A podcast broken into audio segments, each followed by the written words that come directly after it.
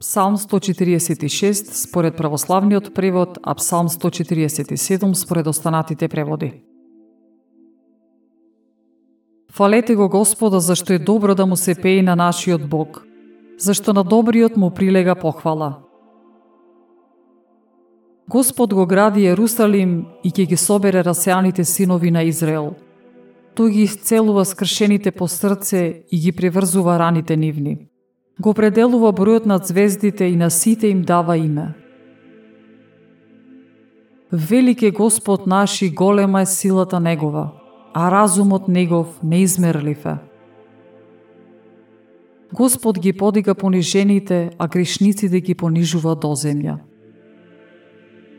Пејте му секогаш славословие на Господ, на лира, пејте му на нашиот Бог.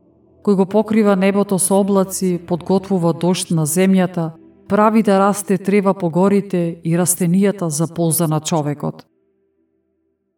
На добитокот му ја дава храната негова, а на малите врани кога гракаат. На коинската сила не гледа тој, ниту му е мила брзината на човечките нозе.